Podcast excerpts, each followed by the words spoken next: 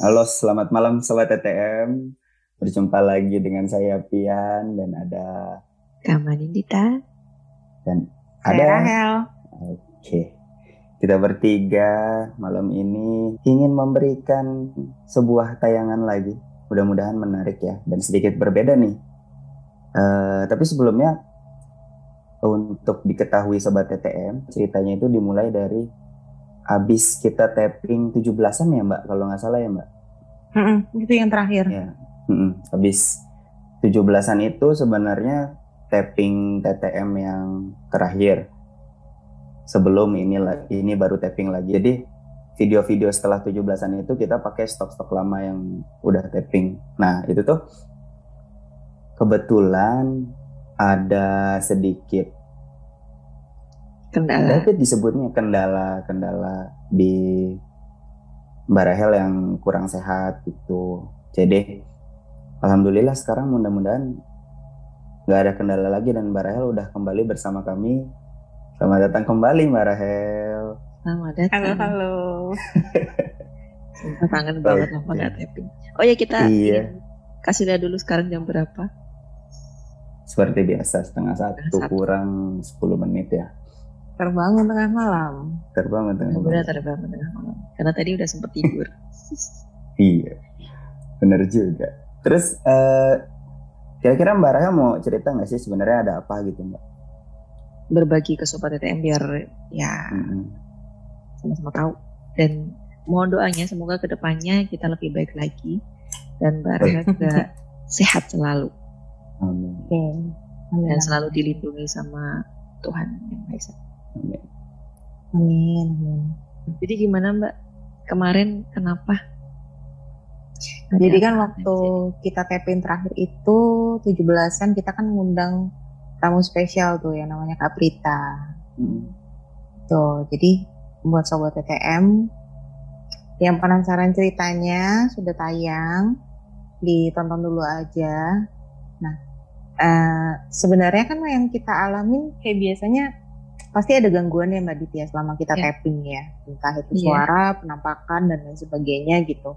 Mm-mm. Yang itu semua bukan karena kita sengaja mengundang tuh enggak gitu loh. Hmm. Jadi eh ya karena memang kita lagi cerita dan ngebahas hal yang horor, nah, mungkin yang di sekitar itu merasa tertarik untuk datang. Cuman entah kenapa waktu ceritanya Kak Prita itu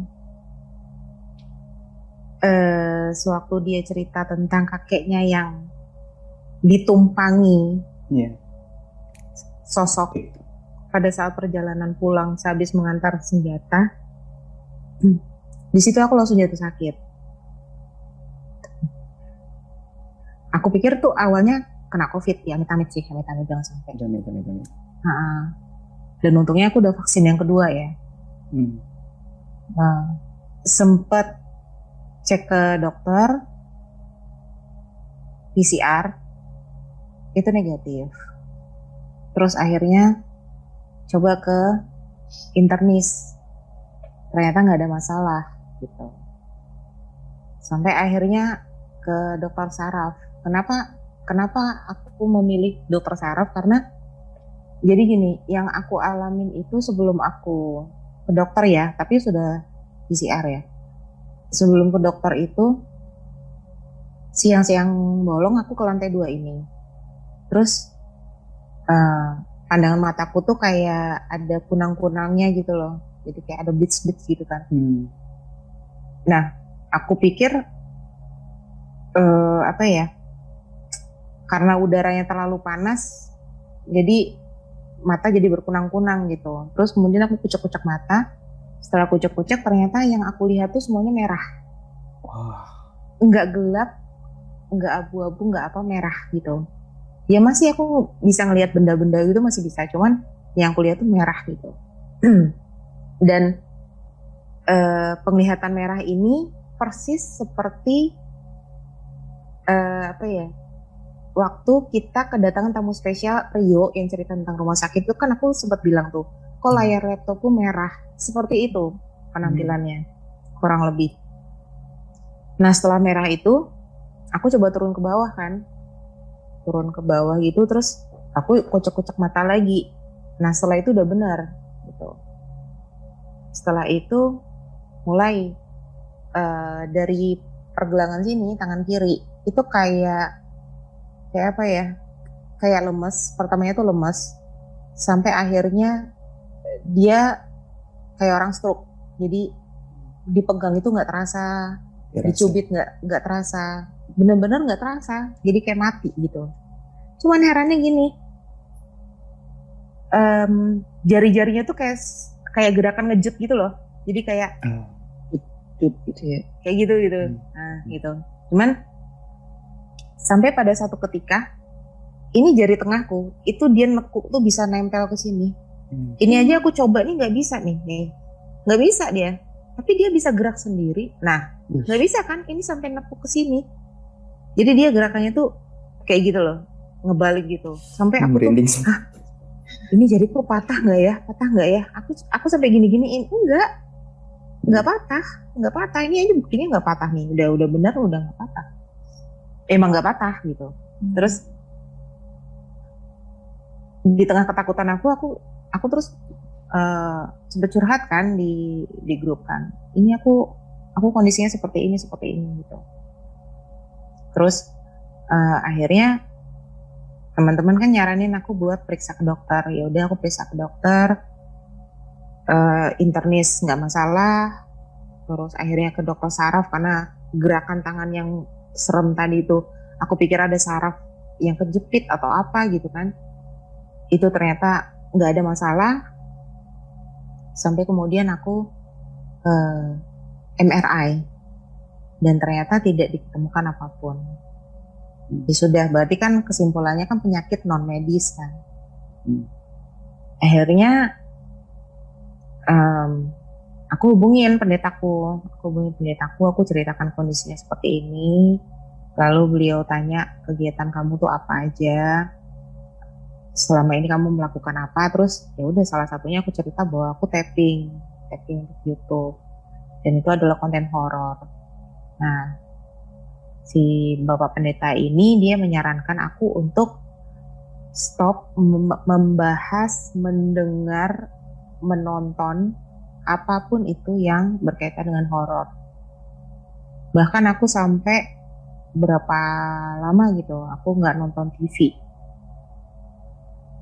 aku nggak nonton TV jadi sehari-hari aku cuman ya mengerjakan segala sesuatunya. Aku kan jualan online ya aku urusin daganganku terus uh, aku dengerin lagu-lagu rohani atau aku mendengarkan khotbah gitu ya gitu aja sih lambat laun ya mulai tenang tenang tenang sampai pada akhirnya aku ngerasa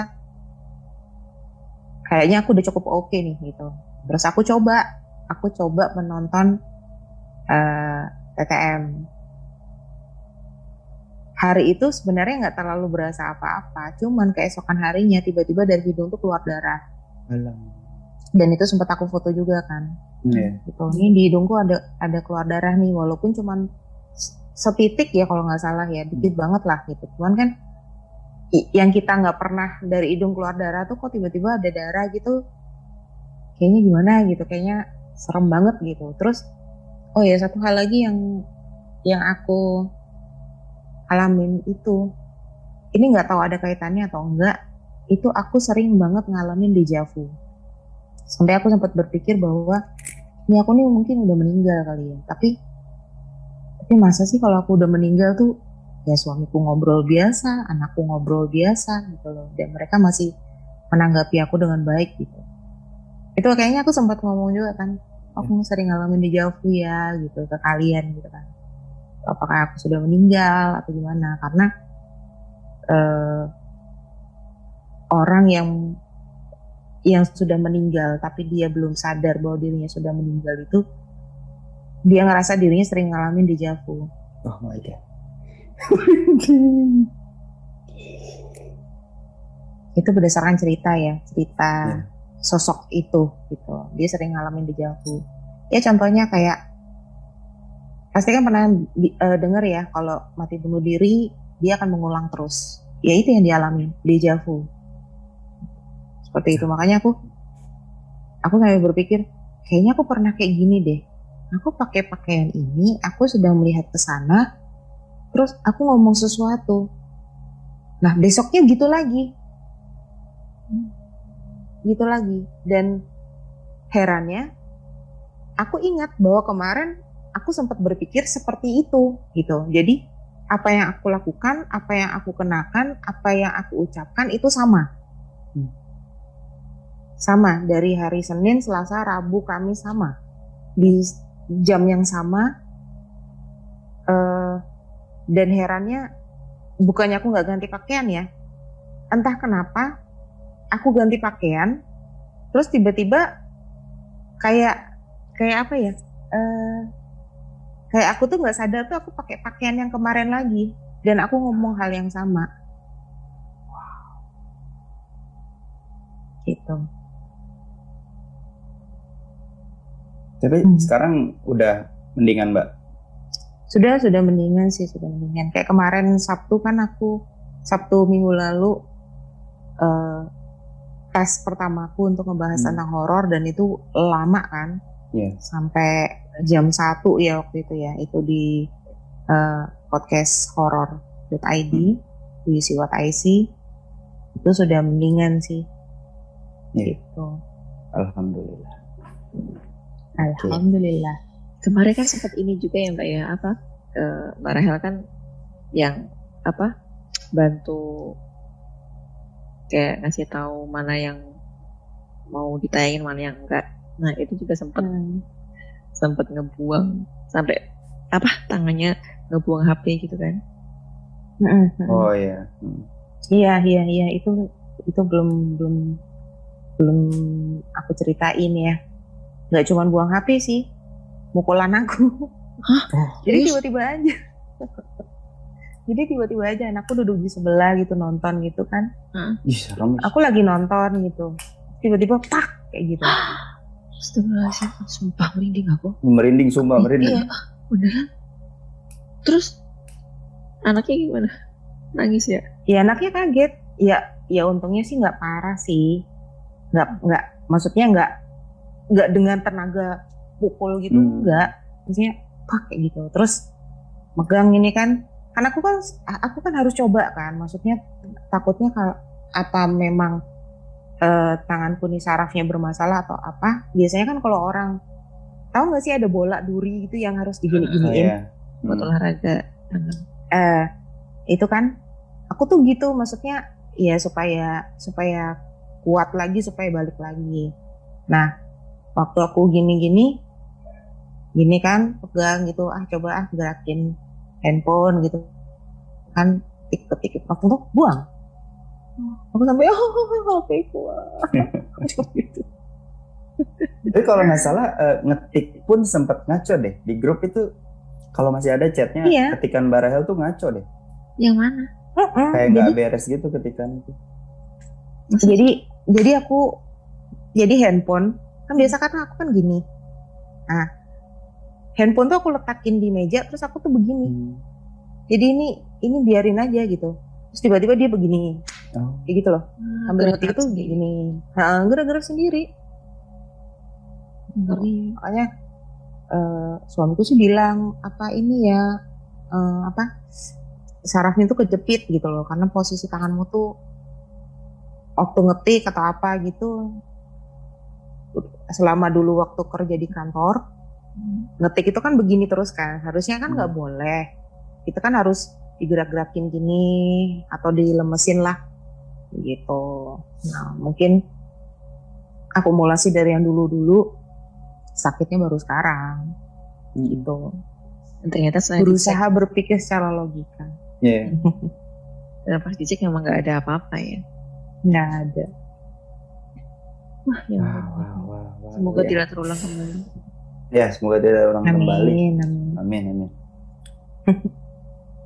Iya, tapi selama kita hiatus gitu ya, sebenarnya banyak yang terjadi di TTM itu. Jadi ada yang, alhamdulillah ada orang yang nge-DM gitu. Oh iya minta iya. untuk bercerita, ya minta untuk bercerita, kapan bisa bercerita. Cuman kan kita kalau tanpa Mbak Rahel itu Ya.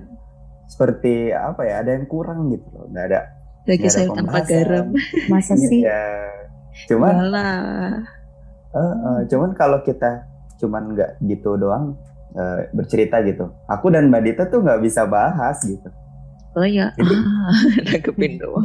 Iya paling nanggepin doang. Tapi di lain sisi kalau misalnya kita memaksa Mbak Rahel untuk ikut dan ngebahas dengan kondisi lagi kayak gitu kan nggak baik juga. Jadi ya udahlah, untungnya masih ada stok kan. Nah, untuk malam ini sebenarnya ada yang berbeda lagi nih. Eh, kalau yang nge-DM mungkin nanti ada waktunya ya. Ada email masuk minta dibacakan. Nah, jadi Wah. orang ya alhamdulillah ye. Yeay, akhirnya. Akhirnya ada yang Akhirnya. percaya ceritanya dibacakan. Mm-mm. Nah, cerita kali ini akan dibacakan langsung oleh Mbak Dita. Monggo Oke. Mbak Dita. Ini ada ada email dari sobat TTM yang tidak mau disebutkan namanya. Langsung aja ya. Oke. Jadi begini ceritanya. Pas itu kan aku aku dan keluargaku pindah ke rumah warisan kakek. Memang sebelumnya kami nggak punya rumah. Jadi selama itu kontrak pindah-pindah. Nah kakek itu sebenarnya punya lima anak, tapi saudara-saudara bokap sukses dan udah pada punya rumah semua. Bokap aja yang nasibnya kurang beruntung. Jadi pas itu juga bokap udah hampir setahun jobless lah. Habis di PHK karena Hmm. pandemi pas awal-awal. Hmm. Jadi singkat cerita, kami udah sebulan atau dua bulan nempatin rumah kakek. Bangunan rumahnya itu bangunan kuno yang model jendelanya ada semacam kain tirai, Eh, kain kain tirai setengah bingkai. Bisa dibayangin ya? Ya. Kayak jendela-jendela Hmm. Jadi jendela jendelanya aja masih dari kayu tanpa kaca jendela gitu. Kebayang kan? Hmm. Terus pas suatu malam aku tinggal di rumah sendiri. Bokap nyokap pas itu pergi ada urusan. Ya udah aku sendirian di rumah sampai malam. Jam 9 mereka belum pulang. Aku akhirnya kunci pintu depan terus masuk ke kamar mau tidur kan di sana. Terus sebelum-sebelumnya aku memang pernah tinggal ditinggal sendirian di rumah. Tapi aman-aman aja. Jadi aku nggak ada pikiran apa-apa pas itu. Cuma pas malam itu tuh nggak tahu kenapa kok perasaanku nggak enak terus. Ya udah, aku WA nyokap biar buruan pulang. Terus aku langsung masuk kamar selimutan. Soalnya pas itu udaranya agak dingin gitu. Ya sebenarnya agak dingin-dingin gitulah. Padahal nggak lagi hujan juga. Lagian kota ini kan bukan yang punya udara dingin. Nah Hmm. mungkin karena udah ngantuk berat akhirnya aku ketiduran. Terus aku mimpi lihat ada siluet orang dari balik tirai jendela. Posisi jendela udah kebuka lebar. Cuma kayaknya kok aku merinding. Sama Mbak. Aduh, cuma kayaknya badan orang itu pendek. Ya karena ujung Hmm. kepalanya nggak nyampe ngelewatin bagian atas tirai. Berarti rumahnya eh, satu lantai ya? Heeh, kayaknya. Hmm. Suasana Hmm. luar gelap. Cuman herannya kok ada siluet bayangan gitu. Aduh, duh. Iya ya. Kalau gelap nggak ada siluet. Berarti kan kalau ada siluet kan Iya. ada cahaya. Ada cahaya. Harusnya ada cahaya. Hmm. Karena takut itu maling, aku ambil kemoceng yang digantung dekat lemari baju. Terus aku ngendap-ngendap ke jendela. Pas tiraiku buka Ah. dan siap-siap buat pukul tuh orang, ternyata gak ada apa-apa. Wah. Habis itu aku kebangun dan lihat jendela kamar ketutup rapat. Nah, kejadian mimpi ini terulang sampai beberapa kali. Cuma bedanya makin ke sini bayangan orang itu makin tinggi, Hmm. makin tinggi sampai akhirnya aku mulai melihat bagian keningnya. Aduh, Aku merinding. Baca doang lu bisa merinding. Abis hiatus, terus kita tapping kok kenapa ceritanya begini? Iya. Padahal itu mimpi loh, belum belum lihat nyatanya. Iya. Ya, Ini aja aku ngetik email merinding sebadan badan. Nah, sejak terakhir lihat kening orang itu, aku ngotot tidur di kamar orto. Udah sebulanan itu kamar kosong. Perasaan gak enak aja kayak ada yang liatin kalau pas bersih-bersih itu kamar. Ya udah gitu aja. Jadi Udah. si sobat TTM ini pengen apa ya? Di sebenarnya ada apa sih di kamar itu gitu. Dan gimana enaknya diapain gitu. Kalau enaknya diapain, ya simpel aja sih. Kalau misalnya muslim ya sering diadakan diadakan pengajian di situ. Cuman kalau aku selalu menyarankan setiap kali sholat, sholat itu kan sehari lima, lima kali ya. Hmm. Iya. Setiap kali sholat itu pindah-pindah lokasi. Iya. Kadang sholat di ruang tamu, kadang sholat di kamar, kadang sholat nggak apa-apa sholat di dapur, tapi dapur kan ada yang bagian yang bersih, ada bagian yang buat masak gitu kan, nah, di situ. Gitu. Maksudnya sebarkan energi positif di rumah gitu. Paling bagus lagi kalau ngadakan pengajian di rumah itu. Hmm. Karena kan banyak orang kumpul, semuanya pada memba- membacakan doa, biar energi yang positif yang ada di situ gitu. Cuman masalahnya gini. Boleh. Cuman masalahnya gini. eh yang namanya energi positif itu kan jadi sosok-sosok astral ini ada yang positif, ada yang negatif. Jadi jangan salah paham gitu. Bukan berarti kalau sudah diadakan pengajian tuh tidak ada sosok astral di situ.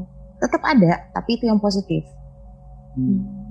Jangan heran kalau seandainya misalnya tiba-tiba ngelihat sosok atau ya rata-rata kan kalau yang positif itu kan digambarkan dengan jubah putih pakai sorban nggak nggak masalah gitu yang penting dia positif aja gitu bukan berarti bersih nggak ada sosok apa pun tuh nggak mungkin. Tiap rumah pasti Hmm. ada. Itu itu nonsen lah kalau misalnya nggak ada. Bersih bersih sih gitu nggak mungkin. Tuh, paling tidak kan yang yang ada di situ yang positif gitu. Dan biasanya rata-rata kalau yang positif itu eh, dia sudah tahu dia sudah tahu kapan dia beredar atau kapan dia berdiam diri. Maksudnya orang tidur ya udah dia beredar gitu. Tidak tidak berisik tidak menimbulkan bunyi-bunyi atau tidak mengganggu nah biasanya yang positif itu seperti itu gitu cuman gini hmm, ya ini ini salah satu pasti pasti setiap sesi ada ada sisi kelemahan dan kelebihannya ya Hmm. Nah, kelemahannya adalah aku sebenarnya mau tanya sesuatu gitu loh. Apakah benar yang aku lihat? Jadi Hmm. Aku lihat di belakang rumah tuh ada kayak sungai kecil. Hmm. Ada sungai kecil, terus ada beberapa pohon pisang. Nah, si sosok ini, nah, ini identitasnya nggak dibongkar kan? Jadi aku bebas ngomong ya. Iya. si sosok ini, mohon maaf banget ya, dia adalah peliharaan dari kakeknya. Ah, Oh. Oh, wow.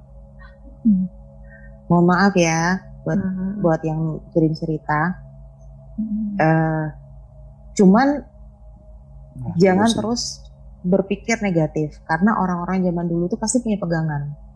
Hmm. Ya. Rata-rata pasti punya pegangan, jadi wajar, nggak masalah gitu. Tapi masalahnya si kakek mungkin tidak cerita bahwa selain rumah yang diwariskan berikut dengan sosok-sosoknya. Hmm. Tapi gini mbak, eh, sebenarnya itu eh, masih ada kaitan ingin menyampaikan sesuatu kah? Karena eh, datangnya kan di mimpi ya. Kalau di dia setelah bangun itu kan sebenarnya nggak ada apa-apa gitu. Tapi Hmm. anehnya si mimpinya itu sama dan berkelanjutan. Kalau eh, ingat ceritanya Mbak Dita yang di awal banget gitu kan, itu kan sama ya Hmm. ber- berulang-ulang. Dan kadang-kadang ada kejadian yang baru setiap mimpinya kan. Hmm. Nah itu sebenarnya sama nggak sih? Jadi ada ada pesan atau apa gitu? Ada sesuatu yang memang mau disampaikan. Memang ada, tapi aku tidak boleh untuk membocorkan. Hmm. Biar Gitu. sendiri disampaikan sendiri gitu ya. Mm-mm, Dia disampaikan sendiri.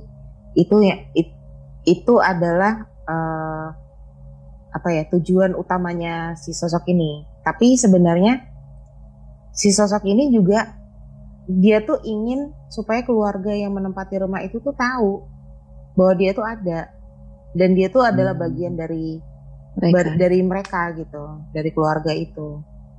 Karena kan sudah dipelihara ya Hmm. lama dari kakeknya itu masih muda banget lah. Bahkan kalau nggak salah mereka sudah ibaratnya berteman ya. Itu Hmm. dari kakeknya belum menikah. Jadi ke mana pun kakeknya pergi si sosok ini selalu ngikutin Hmm. gitu. Oke. Ada lagi nggak? Mbak Dita mau nanya? Aku pengen nanya bentuknya sih karena pas baca ini tuh langsung kebayang itu yang orangnya eh, tua, agak bungkuk dikit, botak tapi ada Hmm. rambutnya di bagian sini nih, bagian sini dikit, Hmm. agak keriput di keningnya gitu. Iya, iya. Hmm, keningnya keningnya memang keriput karena pada saat cerita itu aku lihat sudah sebatas ini. Jadi aku lihat Hmm. itu ada kayak kerutan Heeh. kerutan gitu loh. Dia tidak mengerutkan kening tapi ada bekasnya gitu loh. Jadi kayak Hmm. orang yang terbiasa mengerutkan kening itu Hmm. sudah tua. Tapi proyeksinya hampir sama ya. Aku juga kebayangnya kayak gitu sih. Connect ya. Iya, kebayangnya kayak gitu. Ya botak ada rambutnya eh, sini. Udah ya. udah tua, ada rambutnya di sini. Nah, Hmm. Dia kisaran umur 70-an lah Hmm. Dan orangnya sosoknya ya kalau digambarkan. dan bentuknya benar yang kurus, eh, agak bungkuk gitu. Kurus. Mm-mm. Sayang kita nggak bisa cross check ya. Oh nanti next time kayaknya Mm-mm. perlu minta nomornya biar bisa ini ya. Iya, ya. at least di at least di telepon deh. Man dia Ah. bisa nggak kalau tengah malam gini? Oh iya. Terus Atau udah eh, tidur. Iya, emangnya kita nocturnal. Iya. Tapi Mbak gini Mbak, ada aku aku penasaran juga sih. Hmm, sebenarnya eh,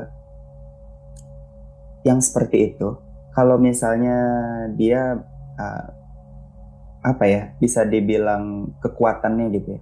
Kekuatannya itu lebih besar yang dia datang lewat mimpi atau enggak gitu.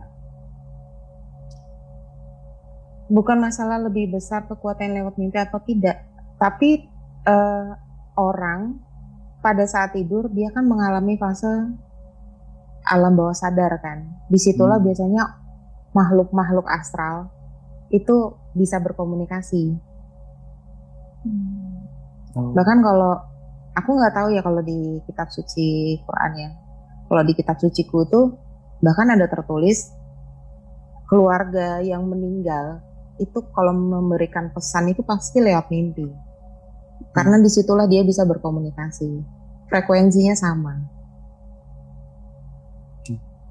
Gitu. Jadi Jadi, itu sebenarnya memang sama. benar. Sebenarnya memang eh, nggak ada perbedaan kekuatan juga ya. Memang kebetulan datangnya aja lewat mimpi gitu ya. Mhm. Dan Hmm. dan ju- jujur ya kalau misalnya eh,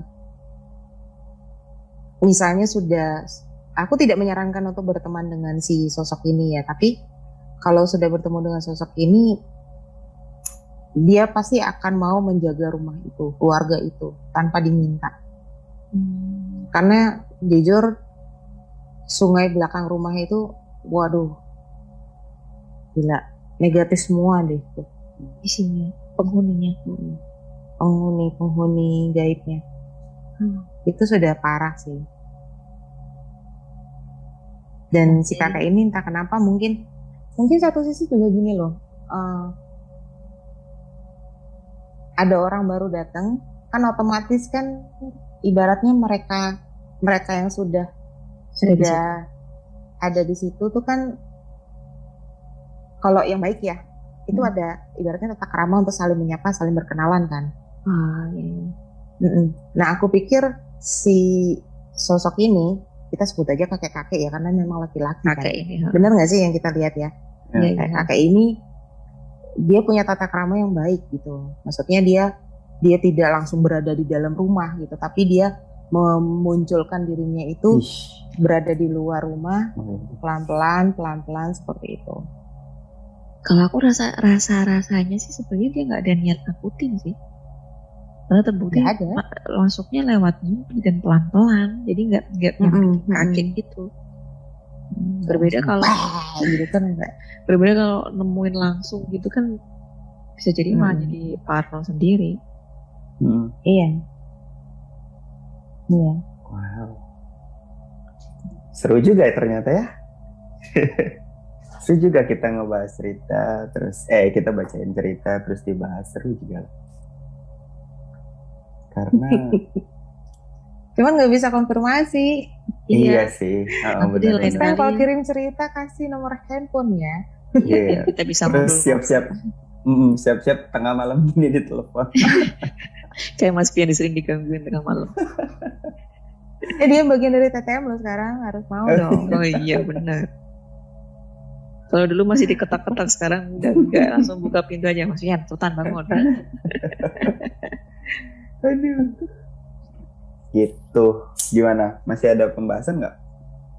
enggak sih aku aku pengen sedikit cerita ya sedikit berbagi pengalaman karena eh, pernah juga ngalamin ya agak beda sih ya karena itu emang dari kakeknya kalau ini kan enggak eh, jadi ada rumahku kan ada lantai satu lantai dua yang lantai dua kan dulu nggak kepake lama sekali dari awal dibikin sampai sampai anak-anak udah gede udah udah udah segede gini lah. Akhirnya kita memutuskan untuk make lagi ini ini lantai memakai ini. Hmm. karena kita mikirnya anak-anak sudah eh, lima tahunan udah cukup lah waktunya untuk melatih mereka tidur sendiri gitu. Cuma kamar depan itu memang rasanya kurang enak dari eh, ya dari dulu bangunan ini ada kalau dulu kan di, di sini dipakai ketika ada tamu aja misalkan keluargaku atau atau ada tamu siapa yang menginap itu tinggalnya di lantai dua ini gitu. selain sel- selain itu juga nggak pernah dipakai sama sekali terus nah kalau menurut cerita dari keluargaku yang pernah tidur di sini itu sering kali yang lagi tidur pulas-pulas tahu-tahu dibangunin dan itu cewek padahal kan Hmm. sekeluargaku ini kan di sini yang cewek cuma aku doang Hmm. Manggil putih putih putih putih gitu kan. Bangun siapa yang bangunin tadi? Nggak ada suara doang gitu. Dan pokoknya sering ngerasa nggak enak lah di sini terus Hmm. dan ketika pas aku menempati kamar ini pindah dari bawah ke atas bareng-bareng dulu kan awalnya kan. Membiasakan tidur di atas dulu. Eh, oh enggak sebelum pindah deh ada keluarga suami datang. Kam- kami memutuskan pindah ke atas karena beliau nggak bisa naik ke atas gitu. Nah pas itu tidur apa tindian sempet tindian terus eh, ada ya mbak mbak K Miss Universe Hmm. gitu kayak nongol di depanku terus bilang minggir ini tempatku gitu entah itu halu atau sekedar mimpi atau apalah aku nggak ngerti tapi abis itu emang Kayak bahasa Ah. Jawa gitu. Tindian, ah, tindian, tindian terus aku berusaha ini ngelawan terus aku bilang ini rumahku aku bilang. Terus jadi kayak rebutan Mbak gitu. Dita. rebutan tempat gitu loh. Ini rumahku ini ini tempatku. Minggir ini tempatku kayak gitu. Pokoknya rebutan terus tapi akhirnya ya udah. Habis itu eh, setelah pindah benar-benar menetap di lantai dua ada yang merhatiin. Dia sukanya di pojok cewek cewek Dia sekarang kelas 6 SD ya pakai ABG lah. Ada. Pakai kerudung warna merah gitu. Hmm, pakai kerudung warna merah. Heeh. Hmm. Bajunya tuh yang baju ja- jadul yang ada ininya sekarang lagi ngetren lagi tuh loh. Kayak gimana Apa sih? ren? Renda, renda. Yang ada kerahnya kerah ini. Kayak pelaut gitu ya. Heeh. Nah itu kerah-kerah bulat gitu. Oh. Nah, oh. model-model begitu. Berdiri aja di situ di pojok. Kan kamar itu kan ada pojok jendelanya. Nah aku pikir itu kan eh, karena aku dari tidur terus melek gitu kan. Aku pikir oh mungkin mimpi kali ah gitu kan. Cuma kok terus-terusan lagi nggak tidur pun juga lihat. Tapi nggak ke mana-mana sih berdiri aja di situ nggak pernah pindah. Oh. Ah, yang anak kecil itu maksudnya, bukan yang cewek minggir-minggir itu kan? Yang cewek yang mana nih? Eh, Yang cewek yang pakai jilbab ini, yang pakai pakai kerudung merah ini, Hmm, dia di yang situ kecil. terus. Dia dia di situ terus. Terus eh, udah siang bolong pun kalau pas aku masuk kamar, set, eh masih di situ. Terus udah gitu, iya, diem aja di situ. Pernah juga aku pikir tuh itu emang bener-bener eh, aku yang halu gitu ya. Nah pernah suatu hari aku video callan sama ibu. Aku video callan itu membelakangi si jendela itu. Hmm. Ibuku nanya dong, itu siapa? Wadah. Deng. Aku kan, oh lihat ya. Terus akhirnya aku tanya nih buat meyakinkan kalau yang aku lihat ini benar. Gimana ciri-cirinya bu? Ya itu tuh yang jilbab merah. Oh iya Ya. sama. Mm-mm, sama aku. Berarti sejelas itu ya? Iya Wow. sering, sering mbak. Terus eh yang aku kesel itu kalau lagi orang lagi tidur suka kaget karena lagi diliatin. Kan nggak enak banget kan orang diliatin kan nggak enak kan. Terus akhirnya lama-lama aku aku nanya dalam hati. Kamu tuh siapa? apa? Oh, oh, kamu siapa? Maunya apa? Dia bilang, aku nggak mau apa-apa kok. Aku cuma pengen di sini aja ngeliatin. Ini anakku yang pertama. Hmm. Hmm, Ditaksir. mm-mm. Terus aku bilang, nggak, nggak boleh. Jangan, jangan disuruh pergi. Aku cuma di sini aja. Aku nggak ngapa-ngapain gitu. Cuma Wah. berdiri aja. Nggak akan ngapa-ngapain katanya. Cuma ngeliatin aja udah cukup. Aku nggak mau. Aku nggak mau kamu di sini. Pergi dari sini ya. udah. Ya udah sih. Hmm. gitu terus aku aku pokoknya aku- intinya aku nggak mau karena kan kita nggak pernah tahu ya Hmm. Eh, kita nggak pernah tahu niatannya apa terus nanti nanti nantinya dia mau gimana gimana kan aku nggak tahu jadinya Iya. aku tetap menolak dia di sini terus ya sudah di di sholatin kalau sholat di situ aja terus kalau maghrib ngaji dan alhamdulillah nggak ada Iya, sih benar. Hmm. mungkin itu bisa dipraktekkan di kamar barunya si sobat DTM yang mengirim email. Terima kasih banyak loh ya udah mengirim email. Terima Iya, kasih lu benar. sudah mempercayai Iya, kita benar. untuk dibacakan kisahnya. buat sobat TTM yang lain juga kalau misalnya suka segmen ini jangan lupa subscribe dulu yang penting Iya betul. subscribe dulu terus Iya dong, subscribe dong. mm-mm, bantu nih sebentar lagi kita 500 subscriber loh Asik. Eh iya ya? Mm-mm. Iya Iya, bentar lagi bentar lagi kayaknya video ini tayang mudah-mudahan udah 500 amin Amin. amin. Mungkin lebih. amin Ih, amin. gitu ya Kita terus Pokoknya ya. kalau suka segmen ini boleh kirim cerita langsung ke terbangun tengah malam at gmail.com atau bisa DM kami di terbangun underscore tengah underscore malam. Udah segitu aja mbak. Ada lagi kah? Atau mau dibahas cerita mbak Dita tadi? Ah boleh tuh. Siapa tahu? Yang mana? Yang cewek pakai kerudung merah. Itu di rumah Mbak Dita yang sekarang atau Ya sekarang di kamar masih ada kok? Serius? Itu Ini kerudung hitam. Enggak Di di belakang. Hmm, belakangku. Mm-mm. Oh. Makanya kalau live sesi kan anak-anak orang-orang sering pada ribut kan. Itu siapa siapa siapa? Dia Mbak Dita. Ya dialah itu Oh yang suka ribut, yang suka masih suara-suara gitu ya? aku nggak tahu dia sengaja atau enggak ya. Tapi eh iya mungkin niatnya hanya untuk main-main aja gitu loh. Ini apa sih apa sih itu? Cuman "Hah? Hmm," kayak gitu. Lari kabur gitu. Pokoknya sering diributin sama orang-orang itu. Itu siapa di tempatnya Mbak Dita? Mbak Dita lagi apa? Kayak gitu-gitu. Hmm. Dialah yang sering membuat kehebohan pada saat uh, live sesi di podcast horror.id. Kalau pas itu kan aku lagi di sono nggak di sini.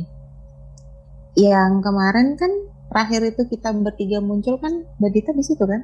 Mm-mm, di sini. Di posisi yang sama dengan sekarang kan? Mm-mm. Oh iya. benar. Kalau yang di itu dia itu dia naik itu tangga kan ya yang ada jeruji naik gitu berdiri mandang turun Hmm.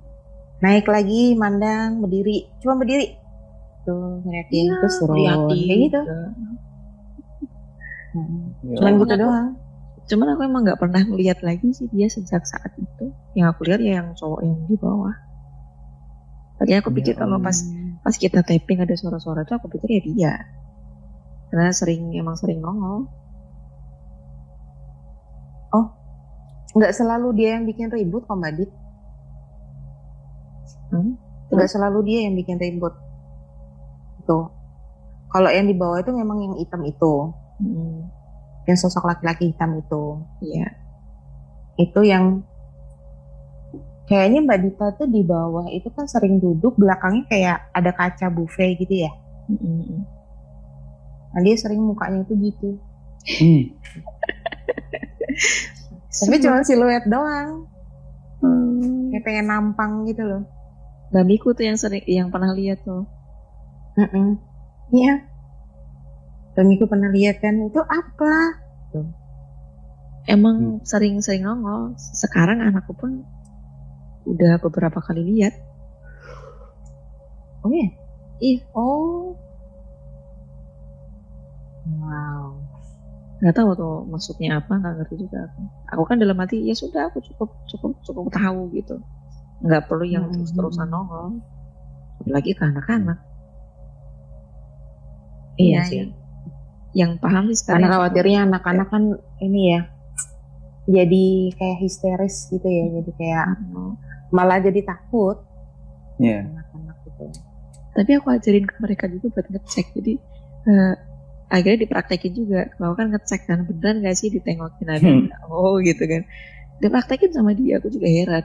Tahu-tahu eh, lapor ke aku. Bunda tadi aku lihat ada yang masuk ke dapur hitam aku aku Iya. cariin nggak ada katanya bisa baru dia lari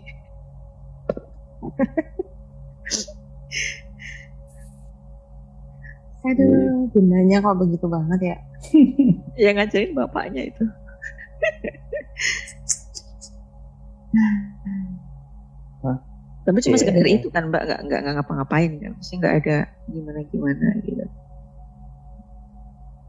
Em, enggak sih. Selama kita nggak ngasih hati ke mereka sih. Ngasih hati gimana? Ya dalam artian ya udah ya kamu di sini aja ya. Ya udah ya kamu gini ya ya udah ya kamu gitu ya. Kan lama-lama dia ngelunjak. Oh gitu. Karena kalau yang kecil-kecil gitu tuh usil mungkin dia mulai apalagi kalau apalagi kalau dia ada suka sama anggota keluarga yang tinggal di situ. Hmm. suruh pergi balik lagi pasti. Iya benar pernah dibersihin juga kan? Iya balik lagi. Iya nggak bisa bisa susah kalau kayak gitu apalagi kalau dia udah naksir si- ada salah satu anggota keluarga dia wah kejarnya terus itu Hmm. dideketin terus Mm-mm. Jadi mending cuekin aja gitu mbak. ya sama kayak yang Mbak Dita lakuin saat ini kan di sering-sering sholat pindah-pindah lokasi kayak gitu itu udah bagus sih Hmm. Gitu Oh nanti hilang dengan sendirinya ya. nggak nggak nggak hilang sih cuman dia jadi apa ya paling tidak kita mendatangkan energi yang positif untuk menertibkan mereka yang berusaha Hmm. untuk usil gitu Oke. kalau kalau mereka mau ikutin aturan aturan di rumah itu aturan dari manusia ya ya sudah nggak apa-apa kamu tinggal tapi kalau enggak pasti akan eh, apa ya terusir dengan sendirinya Hmm. ini dulu aja aku kan malam-malam kan nggak boleh nih ke lantai dua loh ini Iya. akhirnya boleh Ya waktu itu ngamuk dulu ya. Terusnya marah. Mm-mm. iya ngomel-ngomel dulu sekarang boleh sampai dia ngundang-ngundang teman-temannya buat party itu kan berisik kan Ingat tuh zaman-zaman zaman-zaman masih di Discord itu kan. Iya beneran. Jadi aku tuh di di lantai di bawah gitu lagi nonton TV. Kita sambil ngobrol di Discord waktu itu. Eh ada ada sosok kecil. Itu matanya cuma satu. Iya Hmm. iya benar. Itu jalan tuh sambil gini. Kayak gitu. Kayak gitu sambil jalan. Sok manis Aku banget. sampai iya. Aku sampai astaga. Makhluk makhluknya siapa nih? Aku kan bilang bilang kayak gitu kan sempet kan. Iya benar-benar. ini makhluknya siapa ini gitu terus eh ternyata dia kitik kitik kitik kitik gitu kan lari ke ke arah dapur gitu kan tanggaku kan di dapur terus itu udah di pojokan sini nih Hmm. Eh, itu temanku itu eh, mau main ke sini katanya gitu. Lah lah lah lah lah.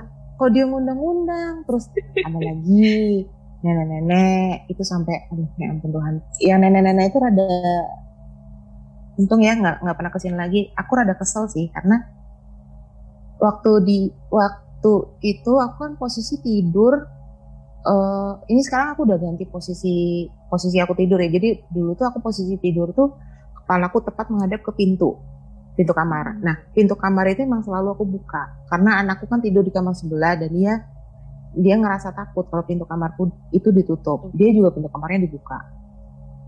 Waktu aku tidur, hmm, eh, antara sadar nggak sadar itu kan kayak apa ya kayak ter, kayak kebangun li- ngelilir ya mbak Ditya kalau bahasa Jawa bilang.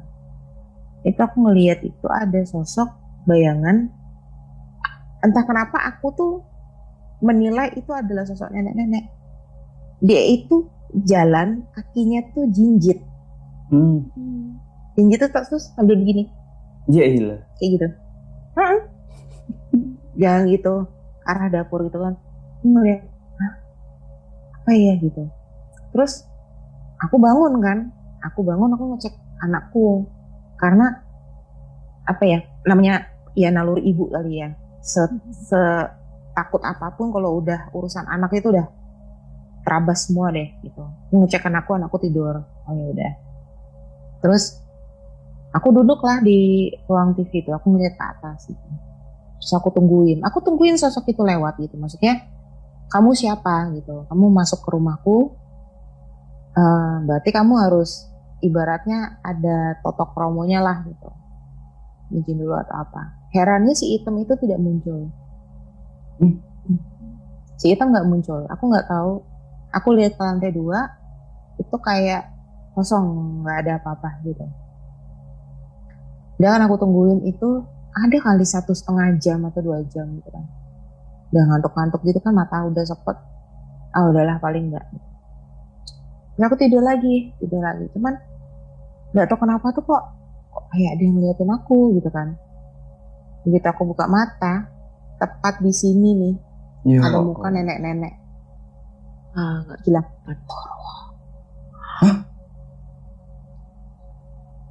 tidurlah. Tidurlah gitu. Suruh tidur. Aku kaget.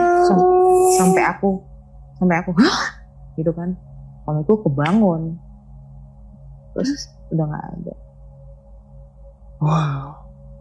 nggak ada tata krama ya mungkin karena dia ngerasa lebih tua kali ya Jadi- Nyuruh tidur begitu siapa yang bakal tidur ya? Ya, ah, memang ngeselin Ngebayangin aja sebel sendiri. Tuh. Nyuruh-nyuruh. oh ah tua gitu tapi mukanya tuh deket banget terus eh ya memang rata-rata mereka mungkin matanya gede kali ya mendeli gitu kan mendeli itu sampai sininya tuh keangkat gitu. Gitu. Kaget aku ngakut banget gitu. Tapi aku bangun aku mundur gini di belakangku kan suamiku langsung "Hah, apa apa gitu. Terus aku noleh lagi nggak ada. Nggak ada. Tapi bau-bau Nggak. sesuatu nggak, Mbak? enggak enggak ada apa pun. Jadi jadi aku tuh sempat berpikir apa ya nih ya? Biasanya kan kalau kalau ada ada yang baru itu kan at least kita punya firasat ya. Entah eh, hawanya jadi berbeda atau suasana tiba-tiba mencekam atau apa enggak. Enggak ada sama aja. sekali. biasa aja. Gitu. Dan itu memang udah dikonfirmasi sih maksudnya eh, udah dikonfirmasi itu dalam artian besoknya aku kan tanya itu kamu ada ada nggak sih teman kamu yang begini-begini. Mak kenapa? Begituin oh. Kalau kita tanya dia nanya balik bukannya jawab. bener. ya bener. Ya udah aku bilang. Cuma pengen tahu aja sih. Temenmu nggak sopan aku bilang gitu. Terus? udah gitu doang. Habis itu udah. Nah terus ada cewek lagi cewek bule. Cantik pas aku lagi ngepel gitu tiba-tiba di jarak berapa meter gitu ya satu setengah meter atau dua meter gitu. Jadi aku kan kalau ngepel kan kita kan agak nunduk kan Hmm. agak nunduk ngeliatin lantai. Nah pas begini ada cewek senyum. Iya. tapi di di tengah bibirnya yang senyum bibirnya kan senyumnya kan gini nggak buka kan. Tapi ada calingnya Iya. ada taringnya Hmm. panjang ini hmm, gitu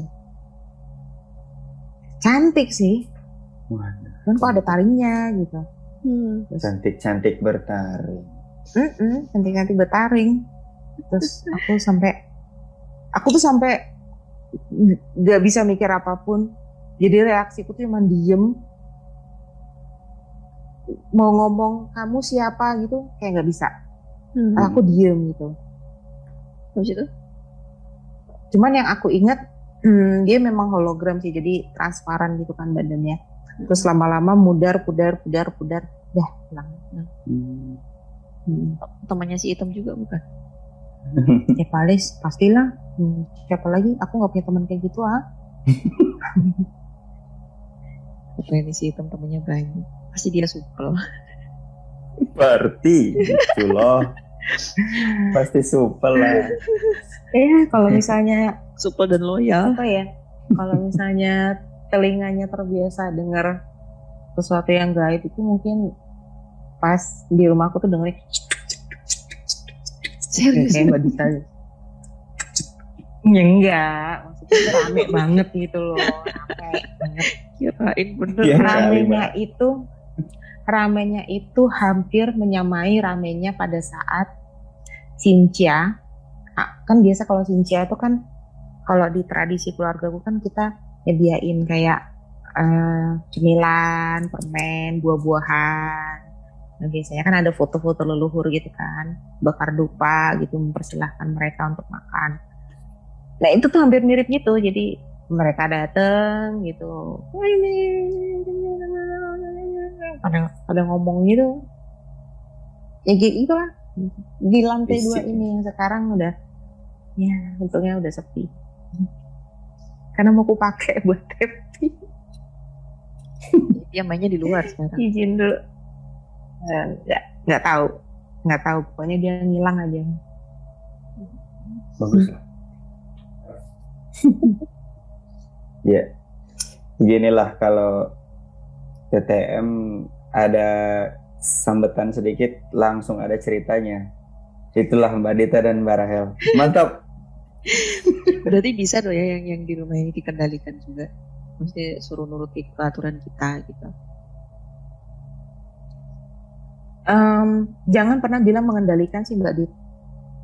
Di briefing, maksudnya Hmm. dikasih tahu gitu, kasih tahu aja. Nah, maksudnya uh, aku nggak suka ya gitu. It- jangan pernah mempersilahkan mereka untuk tinggal. Jadi aku nggak suka seperti ini, aku nggak suka seperti ini. Kalau kamu mau nurut, nggak apa-apa. Tapi kalau kamu nggak mau nurut, silahkan pergi. Jangan pernah bilang kalau kamu nurut kamu boleh tinggal. No. Hmm. Kalau kamu mau nurut, ya sudah, bagus. Tapi kalau kamu tidak mau nurut, kamu silahkan pergi dari sini. Gitu. Oke. Karena setiap kata yang keluar dari mulut kita, pasti mereka akan selalu ingat dan ki- mereka akan pegang terus. Kamu pernah bilang kan kalau kalau aku nurut nggak apa-apa dan aku boleh tinggal di sini, misalnya keceplosan kamu boleh tinggal di sini. Ya aku akan tinggal di sini. Bahkan sampai rumah itu dijual ada pemilik baru dia akan di situ terus. Wadidaw. Hmm. Ya mungkin dari dari rumah yang sebelumnya juga ya. Mungkin bisa jadi. Tapi kayaknya aku aku rasa enggak sih. Oh. Bukan ya? Dari sekitar ya? Bukan. Aku bisa bilang dia justru dari Seragen. Wah. Di aku di rumahku, Di rumah orang tuanya Mbak Dita. orang tuaku. Oh. Ya aku nggak pernah lihat masa. Dia belum mau menampakkan dirinya. Yang mana nih yang cewek apa yang hitam? Yang kerudung merah. Dari anak pertama lahirnya sudah suka. Iya tuh emang banyak yang suka. Manusia maksudnya. Karena aku dulu doa aku begitu mbak. Berarti dia sudah ngikutin Mbak Dita ya. Ya dari seumur anak pertama itu sebenarnya. Oh.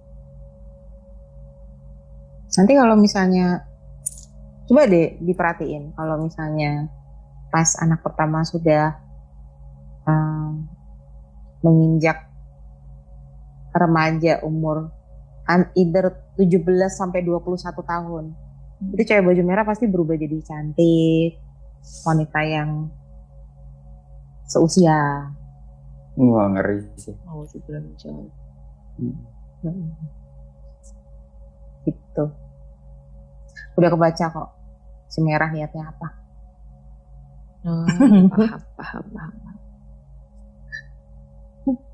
Oke deh, Oke, mantap. Ini kalau diterusin sampai jam 3 nanti kita. lanjut terus. Jadi harus di stop dulu. Harus di stop Karena kita dulu. pernah ngobrol-ngobrol sampai jam 4 pagi. Benar. Iya, Zaman zamannya kita di skor itu eh, sampai mana-mana. nggak bisa habis ceritanya. Gak ada habisnya dan itu kita kayaknya udah hampir setiap hari yang ngobrol begitu ya. Hmm. Ya, Sampai pagi sampai Emang. pagi. horor sekali hidupnya mereka berdua ini. Oh Mas Bian juga. Wah ceritanya luar biasa luar biasa. Tapi pinter banget dia nyimpan rapat-rapat ceritanya. Nanti dikeluarin kalau pas ada apa gitu baru dikeluarin satu satu. satu. Heeh. Hemat Enggak banget. deh. Pelit untuk cerita. Pelit. Betul. Ah. Oke deh, oke deh, gitu ya. Kembali lagi ke TTM. Sebelumnya terima kasih kembali buat sobat TTM yang mau ngirimin ceritanya lewat email sudah dibacakan, sudah dibahas. Mudah-mudahan sedikitnya ada membantu ya, membantu atau mencerahkan lah. Jadi buat yang lain juga, yuk kirim ke email TTM atau DM aja. Kami sangat terbuka lebar pintunya. Dah segitu aja. TTM tayang tiga kali seminggu kalau nggak ada halangan. Kalau ada halangan mohon maaf, mohon harap ya maklum. Iya betul. Oke, eh, terbangun tengah malam. Mari bercerita. Mari kita bahas bersama. Bye. Sampai jumpa. Sampai jumpa di episode selanjutnya.